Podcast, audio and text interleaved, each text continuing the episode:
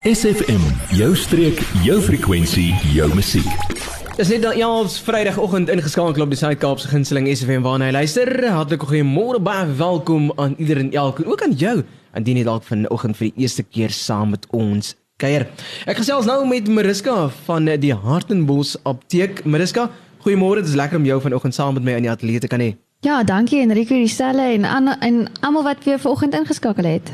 Maar dis kom ons gaan vandag aan ons gesels oor Wêreldhartme Week wat juis vroeër van dese maand was, die 7de tot die 13de Junie uh, was dit gewees en Wêreldhartme Hartritme Week is ook 'n geleentheid wat geskep is om bewusmaking te doen van verskillende hartritme afwykings en ook art art mee ek hoop ek spreek ja. die naam reg uit.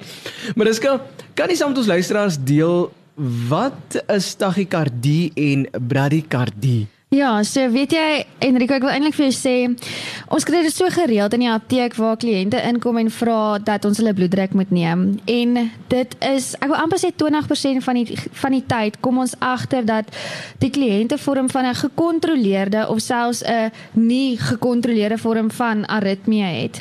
En dit is wat hierdie week vir my eintlik so belangrik maak, want hartritmeafwykings of aritmie is kan gekarakteriseer word as 'n probleem met ons hart se elektriese geleidingsstelsel. En hierdie stelsel is vir ons so belangrik want hy is verantwoordelik vir hoe ons hart klop. En dit sluit in ons hartkleppe, ons hartkamers en ons hartknope.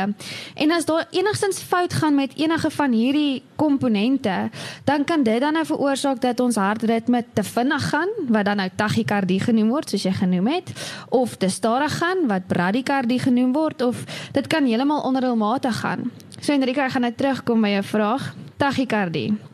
Ja, so tachykardie is 'n vinnige harttempo. So dit is wanneer ons rustende harttempo meer as 100 slae per minuut gee. Nou gesonde mense sal 'n harttempo wat rustend is van 60 tot 100 minute uh, per slae per minuut gee, terwyl 'n tachykardie um, kandidaat sal meer as 100 slae per minuut gee. So jy kry nou drie tipes tachykardie en as jy nou gedink het die woord aritmie is is 'n ingewikkelde woord, hou vas want dit kom nog. So supraventrikulêre tachykardie. So wat hier gebeur is die boonste gedeelte van ons hart, die boonste gedeelte van ons geleidingsstelsel of die atrium van ons hart is foutief. So dit veroorsaak dan 'n onreëlmatige, vinnige of 'n wisselvallige hartklop. En nou om jou nie te, te verveel met te groot woorde nie, gaan ek net een uitsonder en dit is atriale fibrillasie. Nou wat hier gebeur is jou hartkamers werk glad nie saam nie. So dan klop jou hart te vinnig en dan klop hy stadig en dan gaan hy oor weer na te vinnig toe en dan kan dit 'n paar slae mis. So jou hart kan nie bloed pomp na jou liggaam in 'n normale manier nie. En die tipe onreëlmatige hartklop kan maak dat jy 'n hoër risiko staan vir 'n beroerte of 'n hartkondisie omdat dit bloedklonte kan veroorsaak. Dan kry jy 'n ander tipe tachykardie en sy naam is ventrikulêre aritmie. So dit gebeur wanneer die harttempo van ons onderste hartkamers te vinnig raak en jou liggaam nie genoeg suurstof bloed uh, suurstofryke bloed ontvang nie omdat jou hart nie genoeg tyd het om op te vul met genoeg bloed nie. En dan die derde tipe is sinus tachykardie en ek dink ons almal word baie meer blootgestel aan dit as wat ons dink.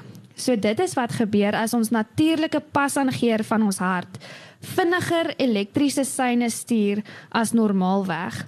En dit gebeur tipies wanneer jy skrik of emosioneel of angstig is, selfs wanneer jy oefen en sekere medikasie gebruik.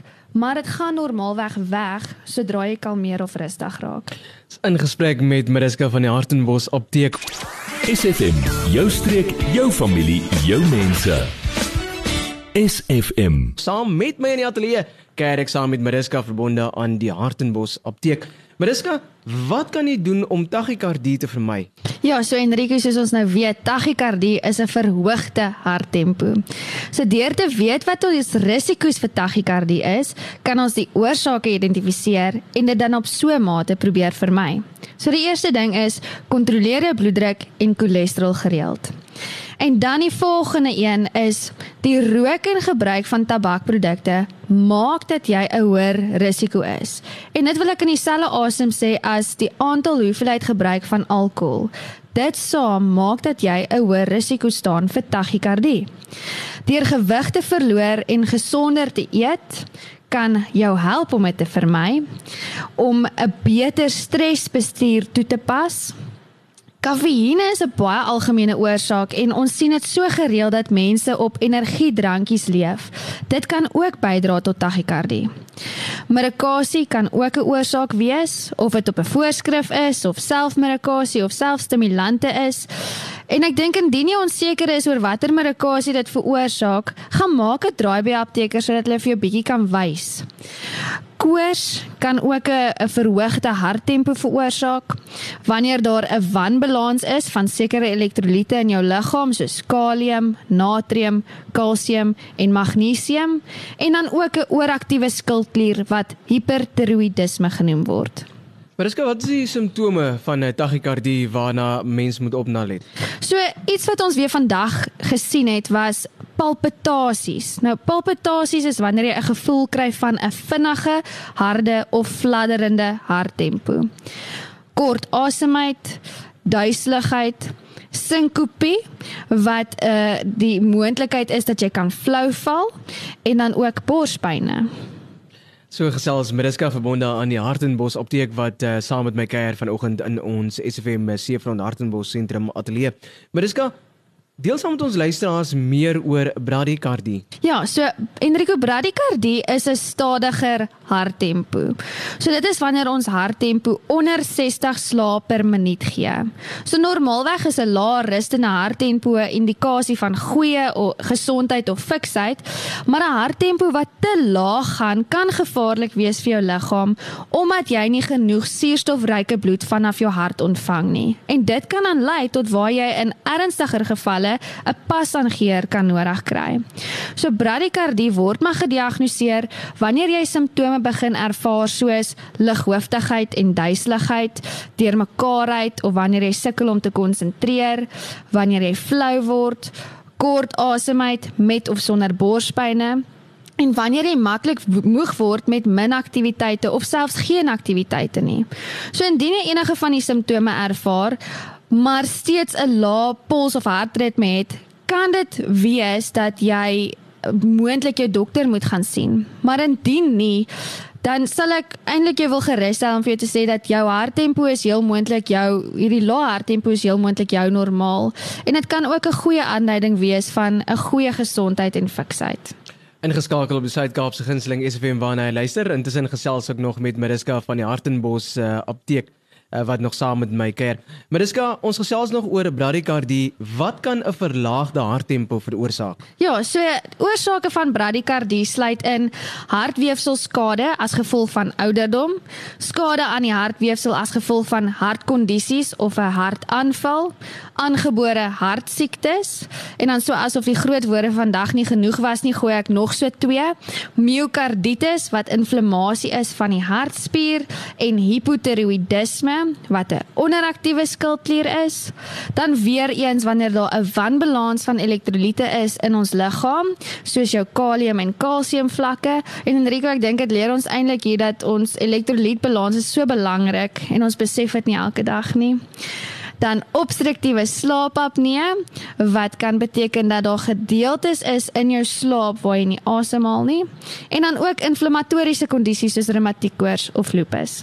'n ingesprek met Mariska van die Hartenbos apteek. Word deel van ons Facebookblad vandag nog facebook.com vorentoe skuinstreepie sfm streek. Ek gesels met uh, Mariska verbonde aan die Hartenbos apteek en ons gesels vandag oor uh, die wêreld hartme ritme week wat juis vroeër van dese maand was en uh, wêreld hartme week is ook 'n geleentheid wat geskep is om bewusmaking te doen van uh, verskillende harm, uh, hartritme afwykings.